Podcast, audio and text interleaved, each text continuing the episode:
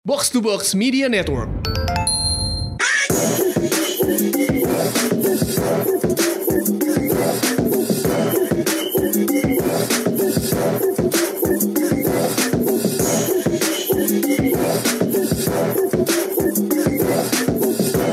Happy Tuesday. Kembali lagi ke Time Out, eh, segmen lepas dari podcast Box Out yang ngomongin segala hal off the court. Ini kebetulan ya, gue sebenarnya ngasih nama Time Out tuh agak asal-asalan gitu ya. Terus waktu gue lihat abis episode pertama naik, gue lihat channel YouTube-nya Rocky Padilla, dia punya segmen juga namanya Time Out. Jadi ini kayak semacam time outception gitu. Um, Cause we got the man himself over here, Rocky Padilla is still here. Um, kalau tadi kita uh, di hari apa namanya Jumat kemarin kita ngomongin soal IBL, now it's all about Rocky. Like, like uh, gue menghindari menyebut lo vlogger karena agak gimana gitu ya kalau ngomongnya vlogger apa youtuber. So number one Indonesian basketball video journalist. Yes, thank you. Yes kan, bokap photojournalist lo Yes. juga, and you know video journalist.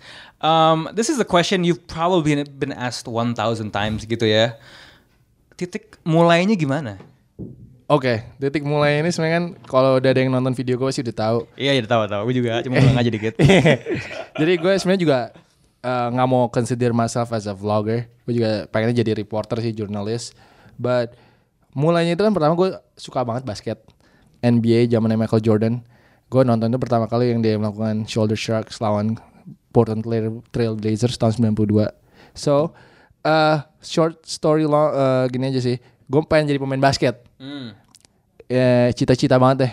Uh, dari umur 14 udah main basket serius, uh, main di high school di Amerika, and then pulang ke Indonesia pengen main IBL. Um, tapi skills nggak nyampe akhirnya. Karena skills nggak nyampe, gue oh sorry, gue sempat ke Filipina dulu dapat beasiswa main college basketball di Philippines, and then dari antara Filipina dan gue balik lagi kuliah di Amerika, itu gue udah mulai mikirin option gue tuh. Kalau gue nggak jadi pemain basket, apa ya gue bisa kontribusi di basket gitu. Akhirnya bokap kan emang eh, salah satu reporter basket juga dan juga fotografer. Akhirnya mulai tuh bela- ikut-ikutin dia ngeliput NBA All Star, NBA Games gitu. Akhirnya kayak seru juga ya gini-gini. Terus oke gue akhirnya stick jadi fotografer. Everybody knows me as a photographer dulu. Eh, dari tahun 2011 gue kerja di ASEAN Basketball League sebagai fotografer mereka. And then tahun 2016 itu udah mulai banyak tuh fotografer-fotografer muda tuh. Ada 5 6 orang. And then 2017 gue mikir, wah kalau fotografer dong fotonya sama semua kita. Tempatnya sama, duduknya sama gitu kan. Apa yang belum ya? Akhirnya gue kepikiran situ. Why not YouTube?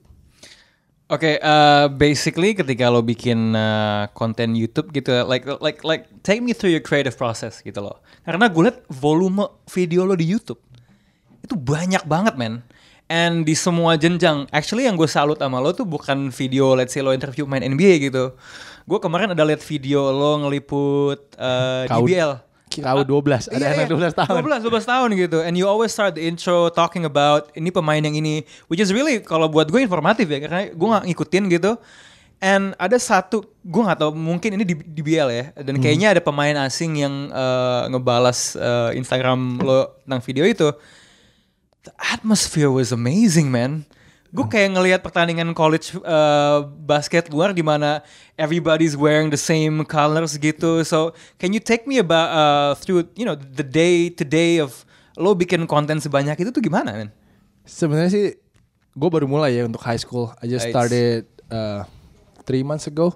Karena waktu itu pas pertama kali gue kepikiran gue mau jadi kayak ball is life atau overtime di Amerika itu, gue kepikiran itu lagi bulan puasa. Ball is life. Iya, lagi bulan puasa. Karena bulan puasa nggak ada pertandingan. And then gue iseng nonton DBL. Because me and DBL have a good relationship kan. Oke, and then nonton DBL. Video pertama udah 30 ribu yang nonton. 40 ribu. Shit. Terus gue kayak, wow ini ada marketnya nih. Untuk SMA ini kan. And then akhirnya mulai dari situ tuh. Anak, S- anak SMA sendiri tuh. yang DM gue. Karaoke bisa nonton nggak pertandingan di sini? Karaoke dateng dong. Yang gue amaze, gue ini kan bukan siapa-siapa ya, boleh dibilang. I just, I'm just a basketball fan saya gitu. Tapi gue nonton anak KU12 kemarin ini, gue dateng, mereka histeris liat gue. Hmm, I don't think you're just nobody sih kayaknya kalau kayak gitu. they were like they saw me ini gue nggak gue pengalaman pribadi sebenarnya gue kaget banget kalau gue tuh ternyata ama bikin impact ke anak-anak ini segitu besar ya gitu kayak anak-anak U12 kayak wow it's Rocky Padilla here? Gitu-gitu. Jadi gue kayak wow anak 12 tahun ngerti gitu. Kayak gue datang dan mereka tuh kayak benar kayak serius take it serius dan mereka mau main mau nunjukin ke gue kalau mereka mainnya bagus. Tapi kadang-kadang pelatih suka sebel sih kalau ada gue sih. Karena anak-anaknya pengen show off kalau ada gue karena mereka tahu the camera is on gitu. Tapi tapi impact yang gue rasakan adalah anak-anak ini kalau profesional kan mungkin udah biasa ya masuk ke YouTube atau apa. Kalau anak-anak yang high school amatir gini mereka tuh lebih appreciative aja kayak ke lu gitu.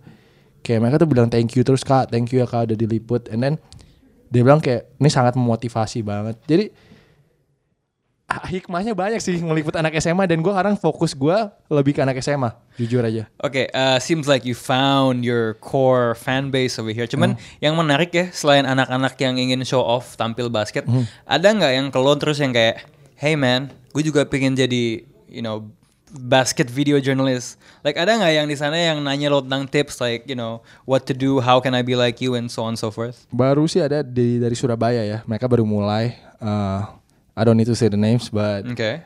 uh, mereka bilang dia termotivasi dari gua. Which is gue sebenarnya seneng aja ya. Uh, walaupun ada direct competition but the more is the merrier menurut gua sih. Kayak I don't mind. Kayak sekarang ada juga uh, satu channel mereka juga ngeliput high school basketball. Dan itu baru mulai. Dan itu mereka kayak lihatnya dari gue juga and mereka lihat ada uh, marketnya and then they started. Tapi gue I don't mind you know? Is the more the merrier. Kalau gue bilang, bilang kalau bisa di luar kota lebih banyak lebih bagus. Karena gue nggak mungkin keluar kota terus dong. Bisa bokek gue jadi kalau misalnya di luar kota ada why not? Gitu. Oke, obviously, you know, ngeliput kalau yang gue lihat dari video lo nih ya, dan you know, bagus lah kalau bisa semakin banyak ini. Iya. Volume lo kan luar biasa nih. Lo tuh sebenarnya do you just do everything by yourself? I do Oke, semakin tinggi peminat eh, basket lokal yang ngelihat channel lo dan lain sebagainya, lo berencana untuk eh, ekspansi kecil nggak? Kayak misalnya punya tim dan lain sebagainya? I would love to kalau ada sponsornya I would love to Sama aja masalahnya mah. Kalau IBL. sekarang ini gue kan gue jelas gue punya selera sendiri lah. Ya. I have my own taste kayak gue pengen gimana angle-nya gue pengen videonya gimana. So gue sebenarnya masalah cuma editing cause I'm not I don't have any background of editing video aja Yeah. sih. Jadi gue bener editing seadanya aja. Dan kemarin juga teman gue seorang pembalap nasional Sean Glael sedikit mengkritik editan gue tapi gue bilang dia, dia bilang rock editan sih gila sih sampah banget dia bilang. Tapi gue bilang ya I don't have the money to hire a guy to edit my video yet karena memang for, uh, views gue belum apa ya belum sebanyak youtuber lain lah di mana mereka bisa hire editor dan bisa hire ya banyak kameramen mungkin kok gue I'm doing it because I want to do it for the kids gitu kayak jadi gue bikin sesimpel mungkin dan gue kok bisa sebanyak mungkin kalau kita pakai editor I don't know how long it's gonna take gitu untuk edit. Amar, sebelum lo nanya, Oke. Rocky orang baik sih kayaknya. Rocky Padilla orang baik. nih Rock, gue mau nanya nih. Pertama sih gue gue juga gimana ya on behalf of all basketball fans in Indonesia mungkin kita terima kasih sama apa yang lo lakuin karena gini. Welcome. Karena gini, lo balikin ke situasi kita dulu main basket lah di level amatir.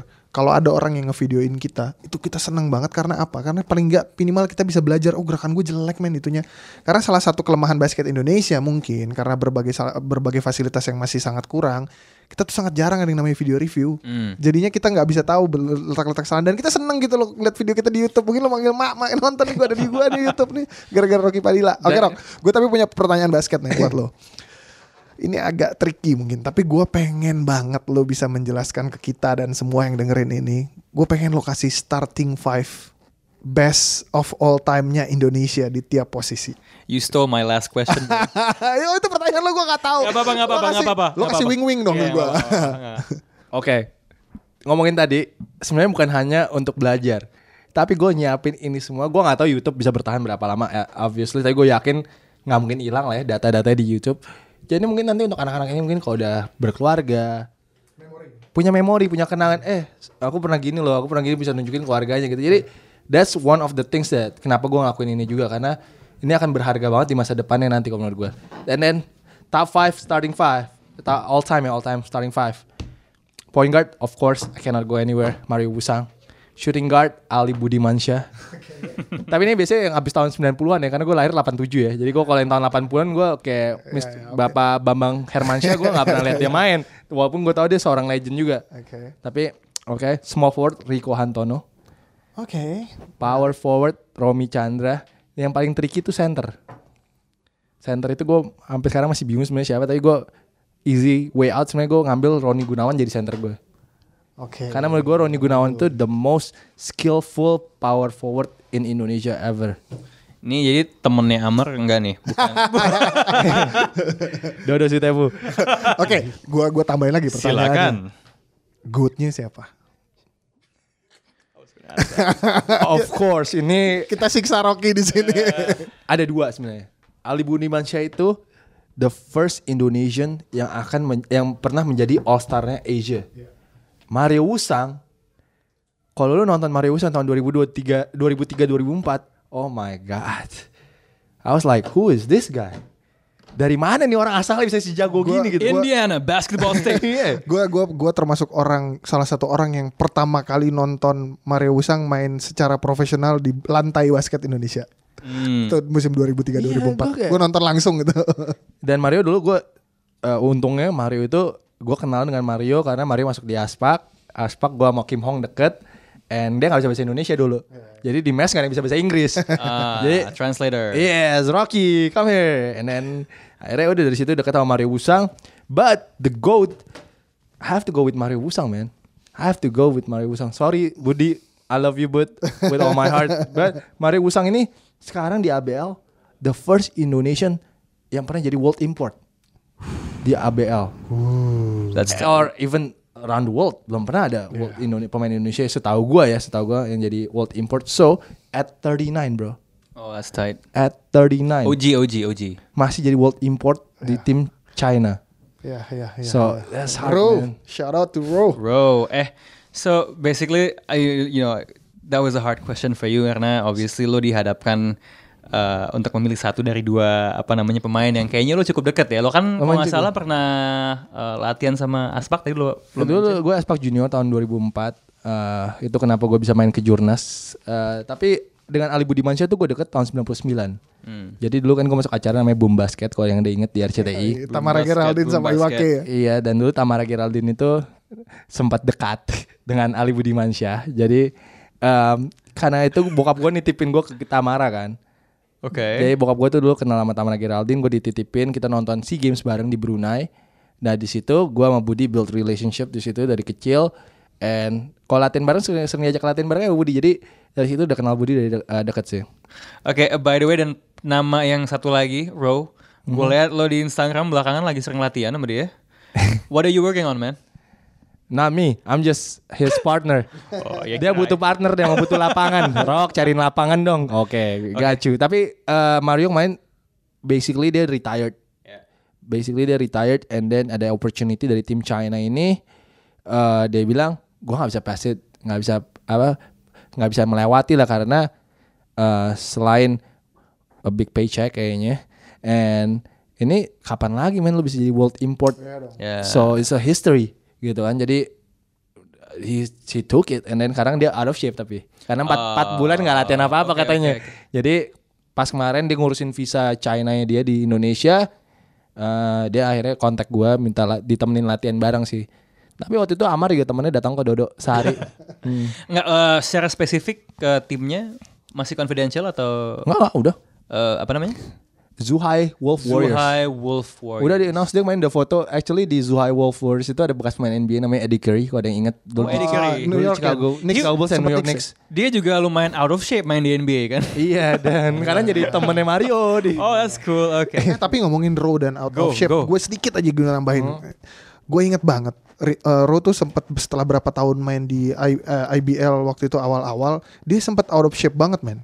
Jadi dia sempat ngegempal gitu, badannya gede Itu banget. kayak waktu zaman Garuda tuh. Ah, Garuda iya, dan Bandung. kayaknya bahkan sebelumnya dia di aspak akhir-akhir dia di aspak lah waktu itu gue ngeliat sempat sempat kayak gitu. Terus gue ngeliat nih orang Anjrit improve banget langsung tiba-tiba badannya udah bener-bener ripped lagi aja. Umur pak, umur. Iya. Umur jadi. Enggak eh, maksudnya mungkin dulu ya mungkin dulu gini yang kita tadi kayak tadi kita sempat omongin tuh yang di diskusi sebelumnya bahwa uh, pemain Indonesia mungkin ada kecenderungan menikmati lifestyle dan lain-lain makannya juga nggak terlalu bagus Nasi tapi uduk man. Enggak zaman-zaman itu kayak Ro baru kenal bakwan sama bakso gitu. itu serius, itu seriously. Iya, iya, iya, jadi iya. dia banyak makan itu kayak jadi nggak dijaga and then I think at 37 or 36 dia realize kayak kalau mau karirnya panjang ya dia harus watch what he eats gitu. Jadi akhirnya dia jaga badannya dan seperti yang kalian lihat sekarang kering banget sih for 39 years old. Oh my god. Rip bro. One last question. Um, ini kayaknya mesti gue tanyain ke lo karena tadi kita udah banyak ngomong soal basket lokal, tapi lo termasuk sedikit dari orang Indonesia yang punya yang sering banget nonton NBA ya. Uh, like gue gue sih entah kenapa uh, keinget gue tuh pernah ngomongin sedikit soal Doncic, uh, Doncic terinspirasi in- instastory lo. Because you were di Shanghai itu lo ngambil satu adegan kena di mana dia mencoba nge-push up bola dijaga sama Ben Simmons nggak bisa ke mana-mana gitu loh. Kayak ada limitasi di atletismnya what is your favorite story atau interaksi sama pemain NBA selama lo ngeliput di sana? Wow, that's tough. gotta choose bro. That's tough. Ya lo boleh pilih dua atau tiga lah nggak apa-apa lah Oke, first of course ini kenapa gue suka sama yang namanya Carmelo Anthony. Sem- Semua orang kalau gue bilang gue suka sama Carmelo Anthony ketawa tapi he is really nice. Jadi gue waktu itu All Star 2011 di LA. Uh, dia itu gue interview karena saat itu semua orang nanyain dia, kapan sih lu mau pindah ke New York? Kapan sih lu mau pindah ke New York? Akhirnya gue cuma nanya sama dia, Melo, who's gonna win the slam dunk contest? And dia ketawa and he said, Man, this is the best question I've heard today. Jadi itu kenapa gue ngefans sama Melo dan selain itu juga gue ketemu Melo setelah itu uh, di hotel lobby dia nyapa gue duluan.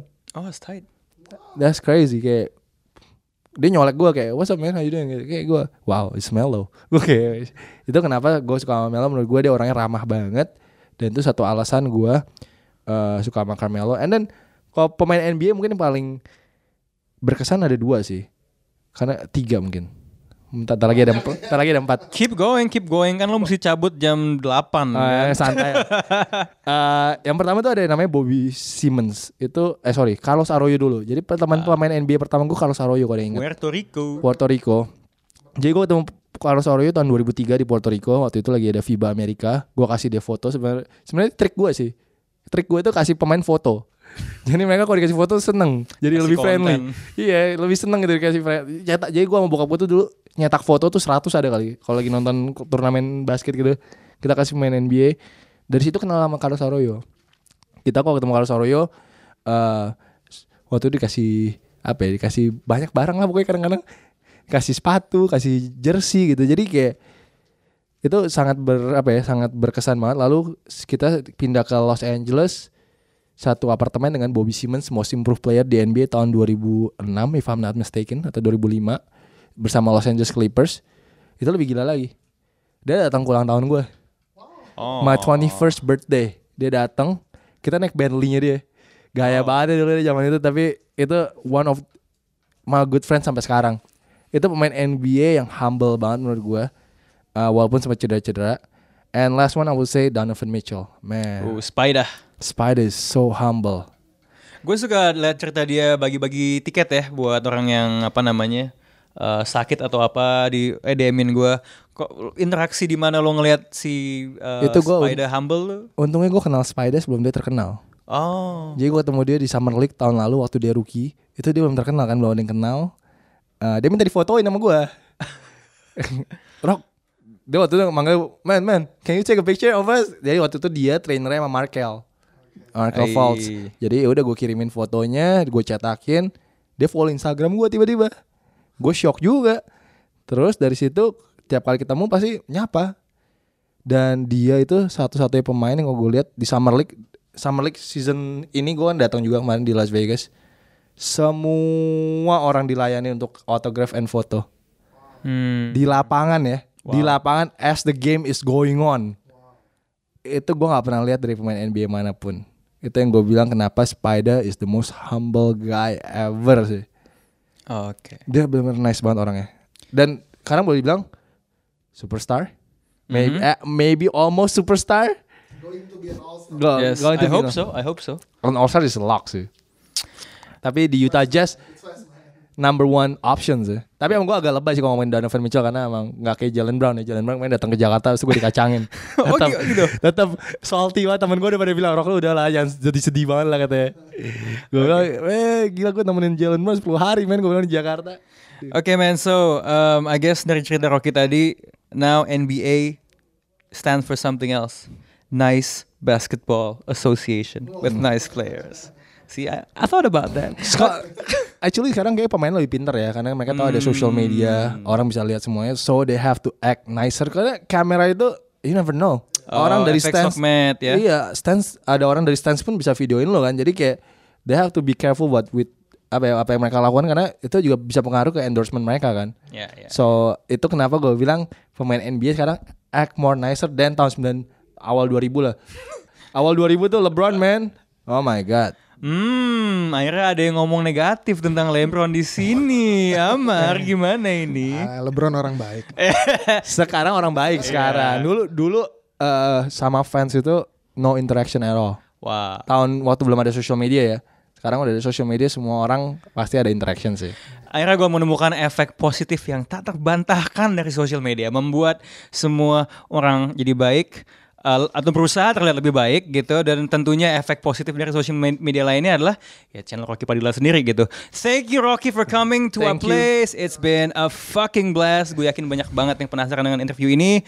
So uh, again, thank you, thank you Amar. Thank you for having me man. Appreciate this. Hopefully I could come more often. Yes, sir. This is Time Out, and we are out of time.